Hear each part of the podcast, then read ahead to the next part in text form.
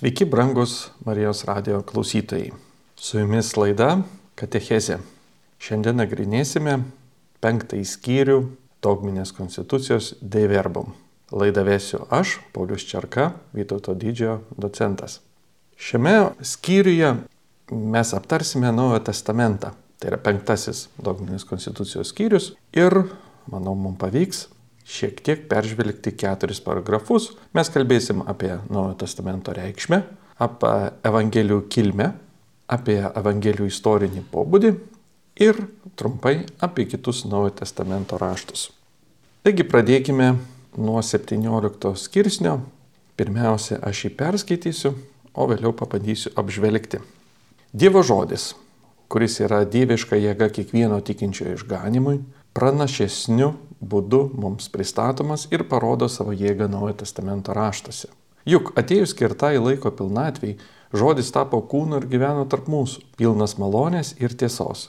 Kristus atkūrė žemėje Dievo karalystę, veiksmais ir žodžiais parodė tėvą bei save patį. Savo darbais užbaigė mirtimi, prisikėlimiu, garbingų žengimų į dangų ir šventosios dvasios atsiuntimu. Pakeltas nuo žemės jis visus patraukė prie savęs. Jis vienintelis turi amžino gyvenimo žodžius. Šis lepinys kitoms kartoms nebuvo atskleistas taip, kaip dabar šventoji dvasia prieiškia į Kristaus apaštalams ir pranašams, kad jie skelbtų Evangeliją, pažadintų tikėjimą į Jėzų Kristų bei viešpatį ir suburtų bažnyčią. Naujojo testamento raštai lieka nuolatinių dieviškų šių dalykų liūdimų.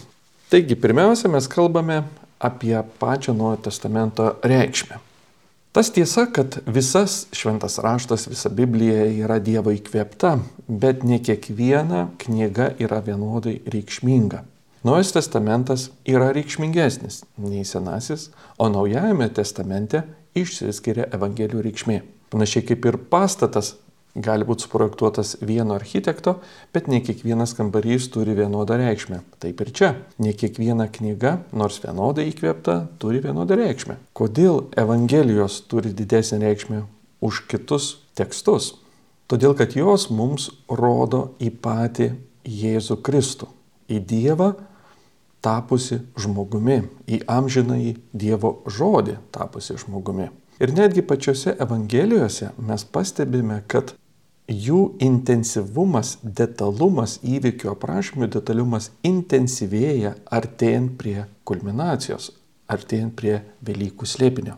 Mes šiek tiek žinom informacijos apie Jėzaus gimimą, apie jo vaikystę, paskui turime nuotrupų apie tarnavimo pradžią, bet kuo labiau artėjame prie Velykų slėpinio, tuo detaliau ir prašomi įvykiai, netgi aprašomos dienos, o jau paskutinė savaitė beveik kiekviena diena yra aprašyta ir kulminacijos momentas yra aprašytas praktiškai valandomis. Tai tokiu pat būdu Dievas mums parodo, kad visa šventoji istorija vedė šią kulminaciją ir visas šventas raštas mums ją perteikia, bet Evangelijos perteikia visos išganimos istorijos kulminaciją. Ir juose yra Velykų slėpinys aprašytas. Štai kodėl jos mums yra pačios brangiausios ir jų reikšmė yra neprilykstama. Štai dėl ko mes atsistojame šventų mišių metu, kai jos yra skaitomos, jas skaito ne bet kas, jas gali skaityti tik šventimus turintis asmuo. Ir mes tikime, kad kai girdime Evangelijos žodžius, mes girdime patį viešpatį Jėzų Kristų, mums kalbant. Pridėčiau prie Evangelijų reikšmės puikias citatas iš kūdikėlė Jėzaus Teresėlės, kuri štai kaip pasakė apie Evangelijos reikšmę. Viską pranoksta Evangelija, kuri stiprina mane besimeldžiančią. Joje aš randu viską, ko reikia mano vargšiai sielai. Ten visada pasisimi naujų žinių, šviesos randu paslėptų mistinių prasmių. Ir dar pridėčiau vieną citatą iš šventosios jaunosios Cezarėjos, čia šeštasis amžius. Įrašo savo laiške, nėra geresnio, brangesnio ir kilnesnio mokslo už Evangelijų tekstą. Svarstykite ir saugokite tai, ko mūsų viešpats ir mokytas Kristus mokė žodžiais ir vykdė darbais.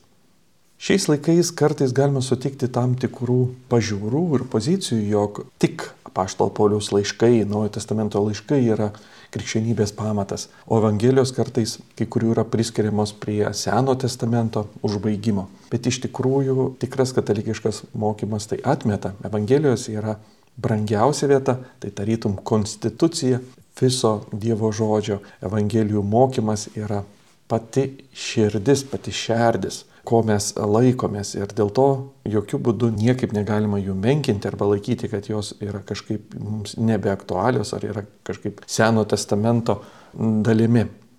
Priešingai, jos yra tai, kas turi išskirtinę vietą ir tai mes rodome tiek liturgijoje, tiek ir savo gyvenimu turim tai perteikti. Taip, manau, galim perskaityti sekantį paragrafą, kuris lies Evangelijo paštališką kilmę. Tai yra 18 paragrafas. Kiekvienam žinoma, kad Evangelijos pelnytai pranoksta visas šventarašto knygas, įskaitant ir Naują Testamentą, nes jos yra ypatingas liūdimas apie įsikūnijusio žodžio, mūsų išganyto gyvenimą ir mokymą. Keturias Evangelijas bažnyčia visada ir visur laikė ir tebe laiko kilusiomis iš apaštalų. Tai, ką Kristui paliepus apaštalai skelbė, Paskui jie patys ir kiti jų meto paštališkos dvasios vyrai šventosios dvasios įkvėpimi mums perdavė raštu tikėjimo pamatą, būtent ketveriopą Evangeliją pagal Matą, Morku, Luką ir Joną. Taigi šituo paragrafu susirinkimo tėvai mums moko, kad mes galim būti tikri, tikėjimo tikrumą turėti dėl to, kad Evangelijos kyla iš apaštalų.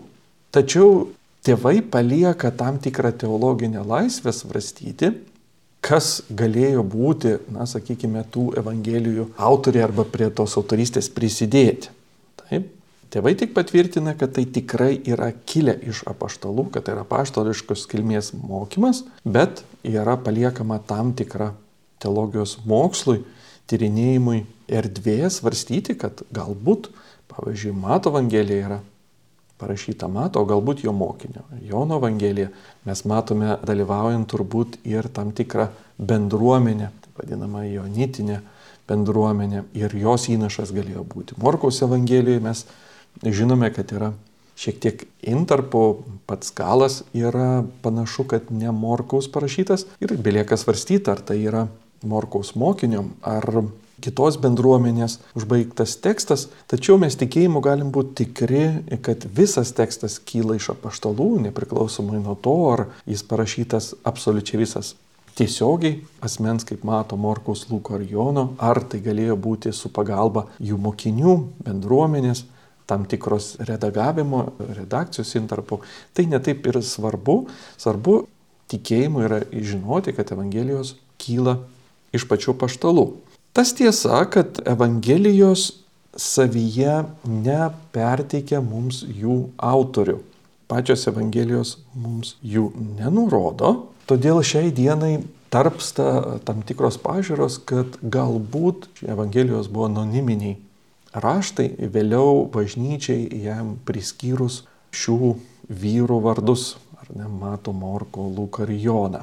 Tačiau toks spėjimas turi mažai pagrindo Priešingai, tiek bažnyčios tradicija mums perteikia būtent šiuos vardus ir jokius kitus. Tiek archeologija ir e, kiti raštai leidžia mums pagristai teikti, kad šie raštai nebuvo parašyti kaip anoniminiai kūriniai ir visada bendruomenė žinojo, kieno kūrinį jos skaito.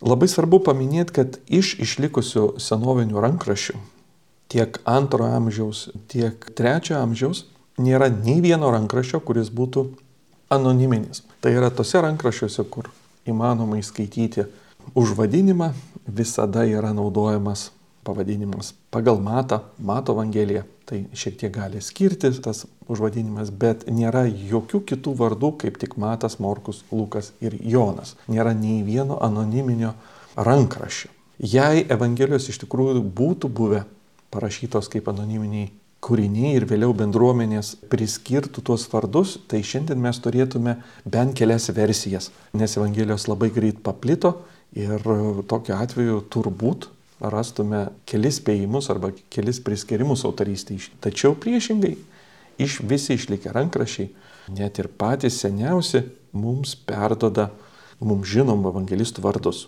Taip pat ir bažnyčios tėvai Klementas iš Aleksandrijos, Polikratas, Irenėjus, čia kalbam apie antrą amžių, visi mini būtent šiuos evangelistus. Tuo labiau, kad iš istorijos mes žinome, kad bendruomenėse skaitomi tekstai, laiškai visada buvo žinomi, iš kur yra gauti. Paštalos polių laiškai būdavo siunčiami ir bendruomenės priimami ir jos žinodavo, kad tai yra paštalo polius laiškas nepriklausomai nuo to, ar pačiam laiške autoris galėtų būti įvardintas ar ne, bet visada gavėjai žinodavo ir tik todėl jie galėdavo dalintis tokiu tekstu. Jei Evangelijos būtų anoniminės, kokiu būdu bendruomenės jas priimtų kaip autoritetingas, tuo labiau kaip jos galėtų perduoti kitoms. Autorius buvo svarbus, bendruomenėms buvo svarbu, ar autorius yra kilęs iš apaštalų, pats apaštalas, ar betarpiškai su jais susijęs. Tai vien tai, kad pačiam tekste mes neturime įvardinto autorių, netiesiogiai mes iš teksto galime numanyti, kas jie galėtų būti. Tyrimai rodo, kad tai, ką parašė Matas, Morkus, Lukas ir Jonas, iš tikrųjų atitinka tekstą, tai yra nėra jokių prieštaravimų, tai atitinka ir praktiką buvusią tuo metu bendruomenėse. Ir autoriaus neįvardinimas savo kūriniuose buvo pakankamai populiarus tuo metu pasaulyje. Ir žinomi graikų romėnų istorikai labai dažnai taip pat neįvardindavo savęs savo kūriniuose ir tai nebuvo jokia problema kadangi skaitytojai puikiai žinojo, apie ką jie skaito. Taip pat netiesiogiai galim svarstyti, kad jei jau kažkas būtų ketinęs klastoti Evangeliją, tai jis būtų pasirinkęs turbūt žinomesnius autorius, o ne pavyzdžiui Morku ir Luka, juk Morkus ir Lukas nebuvo patys apaštalai ir nebuvo liūdytojų įvykių, jie buvo apaštalų mokiniai, antroji karta. Ir natūralu, kad jeigu jau kažkam reiktų apsimesti turėti tingų autorių, tai jau geriau pasirinkti kažkokį žinomą apaštalą, Petrą, Paulių ar panašiai, kas vėliau ir buvo bandoma daryti su apokrifinėmis evangelijomis, o tai, kad jos yra priskiriamos Morkui ir Lūkui, tai kaip tik yra argumentas, kad panašu, kad tai ir buvo jie, autoriai, nes nebūtų jokio kito motyvo jas priskirti šitą autorystį. Taigi, nors egzistuoja tam tikras svar, erdvės svarstyti, kaip Matas, Morkus, Lukas ir Jonas dalyvavo Evangelijos kūrime, tradicija vienareikšmiškai mums perdoda ir bažnyčios tėvai, susirinkimo tėvai susirinkime patvirtina, kad šias Evangelijas mes laikome kilusias iš šių vyrų. Ir tam yra ne tik tikėjimo argumentų, tam taip pat yra ir istorinių argumentų. Kaip ir sakiau, archeologiniai argumentai, bažnyčios tėvų liūdimas, praktika senovinių raštų perteikimo ir platinimo. Visa tai rodo, kad jos negalėjo būti anoniminės, nėra jokių alternatyvių versijų, kas būtų jų autoriai. Ir dėl to mes su pasitikėjimu galime mm, priimti šias tikėjimo tiesas. Taip, ir galim turbūt perėti į 19 skirsnį, kuris kalba apie Evangelijų istorinį pobūdį. Pirmą perskaitysiu visą 19 skirsnį.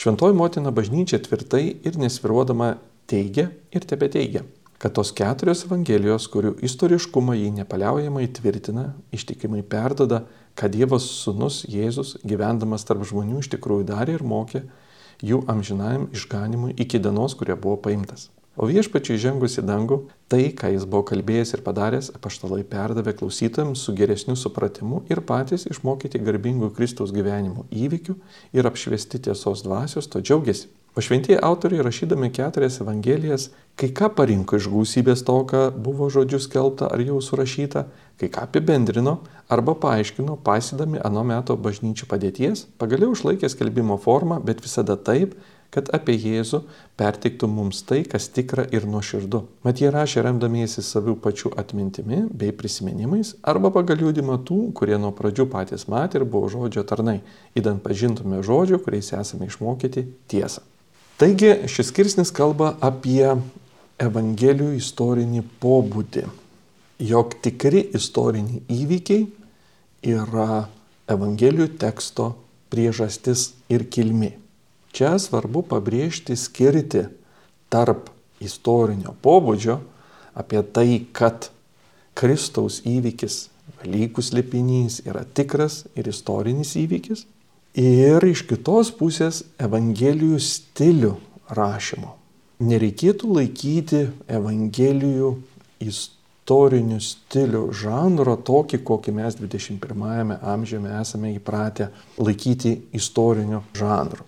Šiandien mums, šiandieniniam skaitytojų, jeigu mes skaitome istorinės knygas, dažniausiai mes esame įpratę prie preciziškumo, datų tikslumo, chronologiškumo. Tai yra visai kita stilistika negu buvo pirmajame amžiuje. Tai, kad Evangelijos turi istorinį pobūdį, nereiškia, kad jų žanras yra toks, kokį šiandien mes laikytume istoriniu žanru. Taigi reikia daryti takoskirą tarp pačio įvykio istoriškumo, apie tai, kad jis yra pirminė ir pagrindinė priežastis to, kas užrašyta, ir tarp žanro, dėl kurio ir šiandien tebe vyksta teologinės diskusijos. Evangelijų žanras tikrai verčia teologus svarstyti ir ieškoti kuo geresnio ir tikslesnio apibūdinimo. Ir čia nėra tikėjimo dogmatikos. Tai yra teologiniai svarstymai, teologinės nuomonės, hipotezės, kurios gali būti labiau pagrystos arba menkai pagrystos, bet vis tik egzistuoja tam tikra teologinių ieškojimų vis dar laisvė, siekiant mums kuo aiškiau perteikti, kasgi yra Evangelijos per žanras. Susirinkimo tėvai mums perteikia kaip minimum trejopą Evangelijų formavimuose procesą. Štai kaip čia yra prašyta, kad pirmiausia yra įvykiai, pirmasis procesas yra mūsų viešpaties mokymas ir jo darbai ir žodžiai. Taigi pirmas etapas yra iki viešpačių žengus į dangų. Paskui antrasis etapas yra paštalai perdavę klausytojams su geresniu supratimu ir patys išmokyti garbingų Kristos gyvenimų įvykių ir apšiusi tiesos dvasios to džiaugiasi. Ne? Taigi antrasis etapas yra, jog iš karto nebuvo parašyti tekstai, Evangelijos susiformavo ir buvo parašytos vėliau. Na, galima galvoti apie turbūt 30, 40, 50 metų tarpsnį. Tai yra svarstoma, kiek iš tikrųjų laiko yra praeita, įvairios hipotezės, tačiau jos tikrai nesirado tuoj pat. Pats Kristus taip pat neparašė Evangelijų, ar ne? Tai yra jau mokinių parašytas vėlesnėme etape. Pirmasis etapas buvo Kristaus žinios perteikimas gyvai bendruomeniai. Čia beje labai svarbu pabrėžti, kad krikščionybė nėra knygos religija. Nėra taip, kad mes negyvenamoje saloje atradome labai senovinę knygą, Evangelijas ir bandome suprasti, koksgi buvo Kristus ir ką jisai nuveikia. Mes turime daug daugiau. Kristus paliko savo žinę įspaustą į gyvą bendruomenę. Tai pirmoji gyvoji bendruomenė yra tas gyvasis laiškas, jame buvo perteiktas ir įspaustas Kristaus mokymas. Ir iš tikrųjų jis įsispaudžia daug pilniau negu tik į tekstą, nes jis įsispaudžia į žmonės, gyvą bendrystę. Ir toj bendruomeniai jau kilo rašytinis liūdimas. Tai yra pačios Evangelijos. Taigi antrasis etapas buvo, galima pasakyti, žodinis, bet tai irgi ne visai tikslu, jeigu mes sakytume žodinis. Jis apėmė daugiau negu žodinį, tiesiog jis buvo nerašytinis, nors taip pat galėjo būti ir tam tikrų rašytinių tekstų. Etapas, kuriuo pavyzdžių darbais ir žodžiais, liturgija, maldomis, apaštalai perdavė tai, ką patys buvo iš Kristaus išmokę. Ne, taigi jie perteikė Kristaus žinę į gyvus žmonės. Ir štai tuose gyvose žmonėse iki šios dienos Evangelija vis dar gyva. Evangelija išsisaugo bažnyčioje ir tik joje jau skaitoma Evangelija taip pat gali būti teisingai perskaityta. Nes Kristus perdavė savo mokymą apaštalams, žmonėms, mokiniams, mokinių bendryjai. Jis jau galėjo užrašyti kažkokį katekizmą ir mes tokiu atveju būtume skaitę, bet ne, jis paliko mokymą įspraustą į mokinius, su kuriais jis gyveno trejata metų. Vėliau tie mokiniai perteikė savo mokiniams ir taip iki mūsų dienų. Taigi antrasis etapas yra tam tikros tradicijos formavimasis, kai sakom tradicijos, tai neturime omeny senienos, bet tai, kas perduodama ir formuojasi perdavimo keliu. Ir trečiasis etapas apie kurį kalba susirinkimo tėvai, yra šis. O šventieji autoriai, rašydami keturias evangelijas, kai ką parinko iš gausybės to, kas žodžiu buvo skelbta, ar jau surašyta, kai ką apibendrino, kai ką paaiškino, paisydami bažnyčių padėties ir išlaikė skelbimo formą.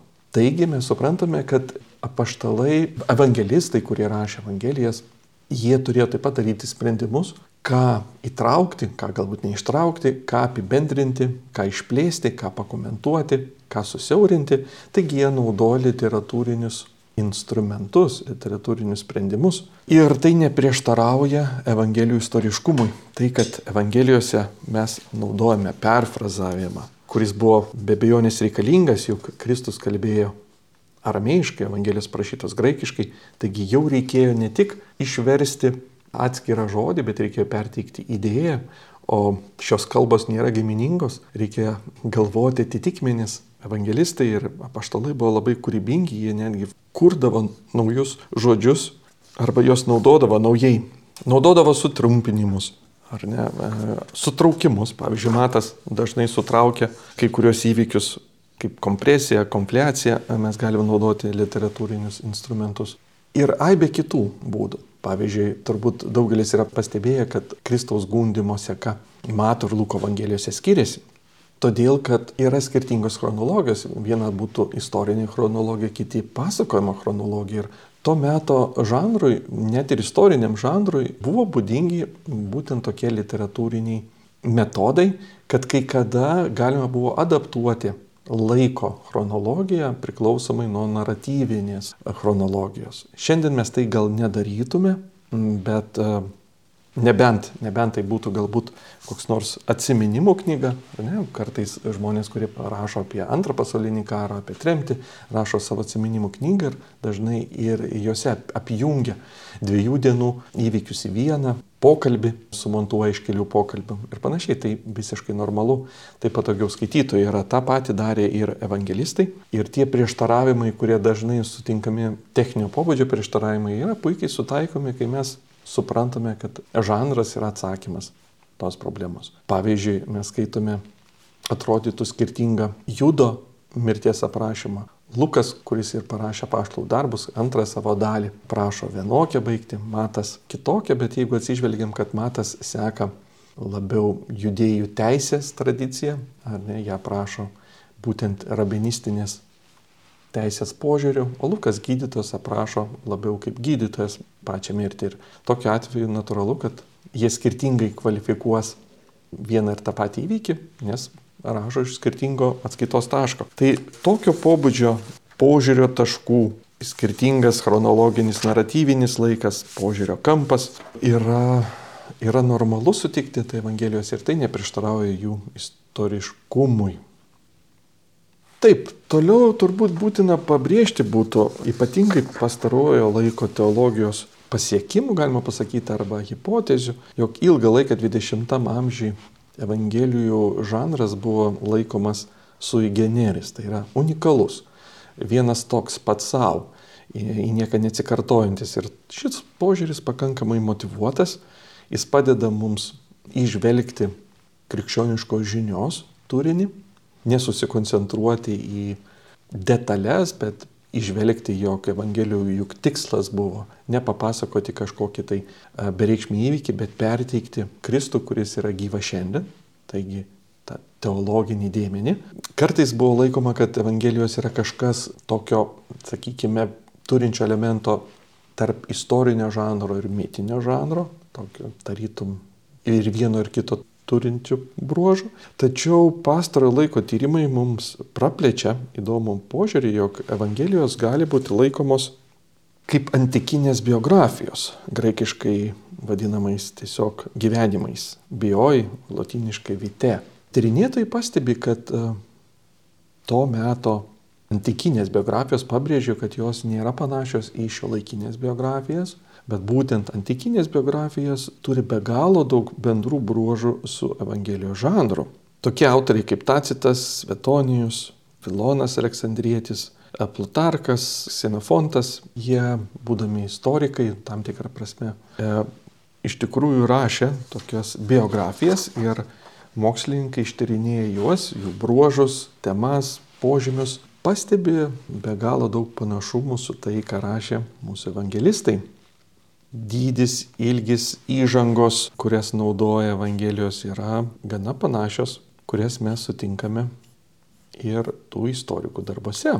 Štai pavyzdžiui, Morkus pradeda vienu sakiniu, panašiai kaip Ksenofonas, Matas su genealogija, panašiai kaip Plutarchas, Lukas įžanga, panašiai kaip Filonas, Jono labai ilgai įžanga, surastume panašią pas Izokratą ir kitus. Tuo požiūriu taigi yra panašumo.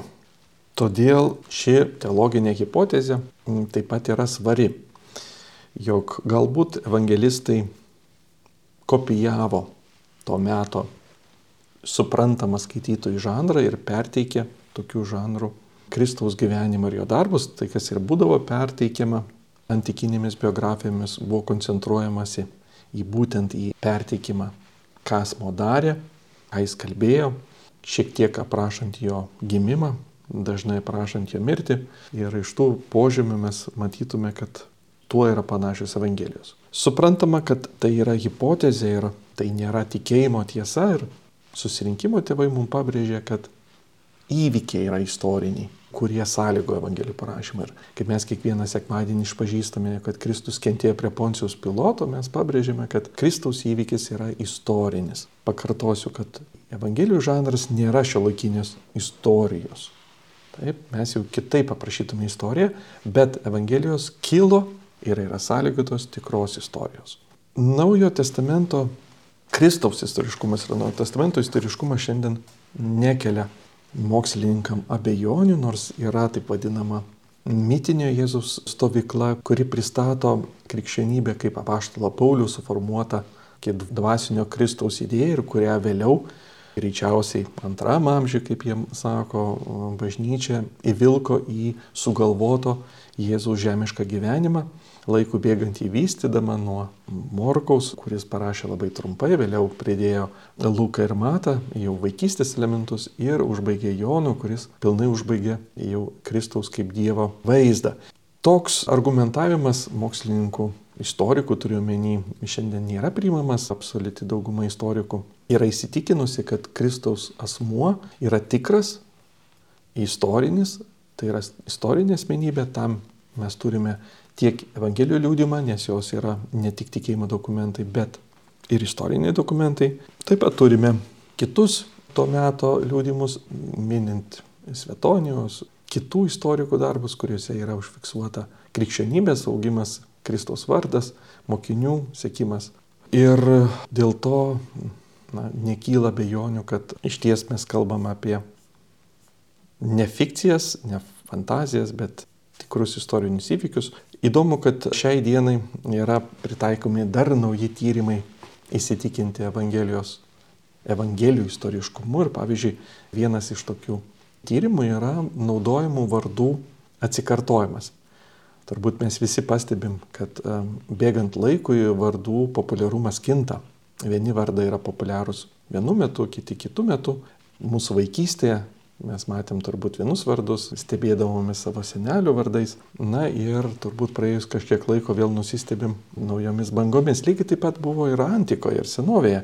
Vardai kito ir šiandien mokslininkai gali puikiai atkurti vardų populiarumą. Ir vienas iš testų yra, ar knyga yra kilusi savo laikmetį, yra pagal tai, ar juose sutinkami veikėjai atitinka to meto vardus. Tai tyrimų dėka buvo nustatyta, kad pirmajam amžiui, tuo metu, kuomet rašomi yra Evangelijos įvykiai, du populiariausi vardai buvo Simonas ir Juozapas. Jie sudarė apie 15-16 procentų visų sakykime, žmonių turėjo šios vardus, šitos du. Evangelijose ir apaštalo darbuose 18 procentų visų veikėjų turi šios vardus du Jėzaus apaštalai yra Simonai. Taip.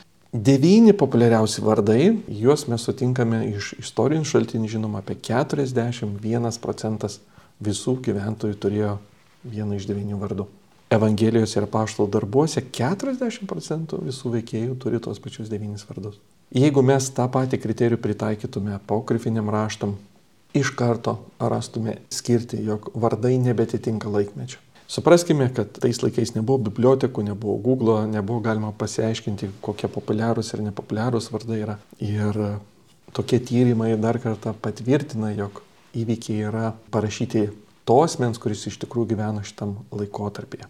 Yra įdomu ir tai, kad vieni iš mokslininkų pastebėjo, kad apaštalų darbuose mes sutinkame vardus Lydiją ir taip pat sutinkame moterį Damaris, arba kitaip sulietuvinta jos versija, pakankamai niekur nepasikartojančius vardus, unikalius vardus ir buvo spėjama, kad taip būti negalėjo, nes tie vardai yra unikalūs, vienkartiniai. Tačiau šiandieniniai mokslininkai nustatė, kad tose vietovėse iš tikrųjų buvo populiaru duoti unikalius vardus. 10 procentų žmonių turėjo nepakartojimus vardus tokius, kaip mes kaip ir, ir sutikome Pašto Paulius kelionėse. Tai dar kartą patvirtino, jog autorius, kuris tai aprašo, kaip mes tikime Lukas, iš tikrųjų buvo tose vietose, o ne kūrė, e, sakykime, pasakojimus patogiai sėdėdamas kažkur fotelį ir tik tai fantazuodamas. Taip, laikas mus spaudžia, liko paskutinis skirsnis 20, kuris kalba apie likusius Naujojo testamento raštus. Perskaitysiu 20 skirsnį ir paskui trumpai pakomentuosiu. Naujojo testamento kanonas be keturių evangelijų apima ir Švento Paulius laiškus, bei kitus šventos dvasios įkvėpimu parašytus apaštališkus raštus, kurie Dievo išmintingų sprendimų patvirtina tai, kas pasakojama apie viešpati Kristų. Vis labiau nušviečia tikrai mokymą, skelbia Kristaus dieviškosios veiklos išganamą vertę, pasakoja apie bažnyčios pradžią bei stabų jos paplitimą ir pranašauja jos garbingą baigti. Viešpats Jėzus, kaip pažadėjo, buvo su savo paštalais ir atsiuntė jiems dvasę užtarėję, kuri veda juos į tiesos pilnatvę. Taigi, Naujas testamentas jį sudaro 27 knygos, 4 evangelijos, apaštalų darbai, laiškai, Ir paskutinė knyga yra Paštalo Jono apriškimo knyga Apokalipsė.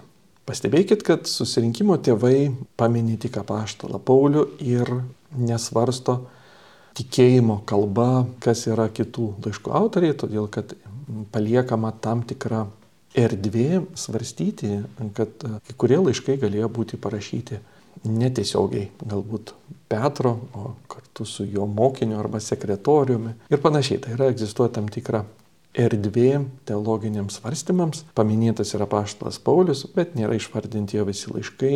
Na, turbūt galim pasakyti, kad tradiciškai laišką žydams mes priskiriame paštalui Pauliui, bet šiai dienai yra pakankamai rimta argumentuota hipotezė, jog vis tik jis išlieka anoniminis. Tai.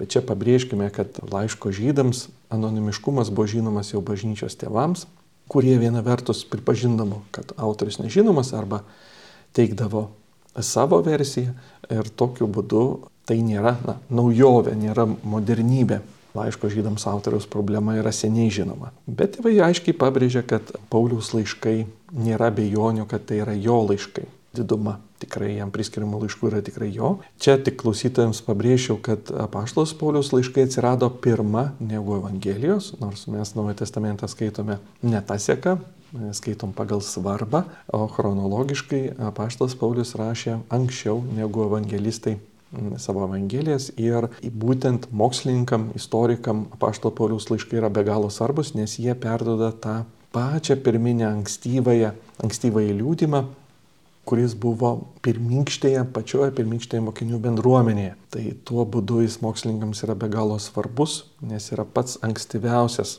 ankstyvosios mokinių bendruomenės liūdimas. Viena vertus taip, mes iš apaštalo Pauliaus nedaug žinome apie Kristaus gyvenimą, bet mes tikrai žinome, kad jis bendravo su Petru ir su Jokūbu, Jeruzalės bažnyčios vyskupu, kuris buvo vadinamas viešpatės broliu, Suprantama, jog jis nebuvo Marijos sunus, bet Jėzaus šeimos narys. Ir tai, kad Paulius mini šios du asmenys, rodo, kad Jėzus nėra mitinis asmo, jog jau ne paštalas Paulius sugalvojo krikščionybę, bet jis susidūrė su mokinių vadovu, taip, reiškia, buvo mokinių bendruomenė, jis susidūrė su Jėzaus šeimos nariu. Akivaizdu, kad jeigu tai būtų mitinė asmenybė, nebūtų nei vieno, nei kito O jų buvimas yra patvirtinamas ne tik Evangelijose, kurios yra vėlesni kūriniai, bet pačiam ankstyvajame Pašto Pauliaus liūdime ir jo laiškose. Būtent jo laiškai ir sugriauna mitinio Jėzaus teoriją. Tai tokiu būdu mes peržvelgėme penktąjį skyrių, skyrių skirtą Naujojo testamentui ir ypatingai Evangelijoms. Deiverbum dogminėje konstitucijoje skirtoje Dievo žodžiui, Dievo prieškimui. Dėkui visiems, kas buvote su mumis. Iki susimatymo kitose laidose. Sudė.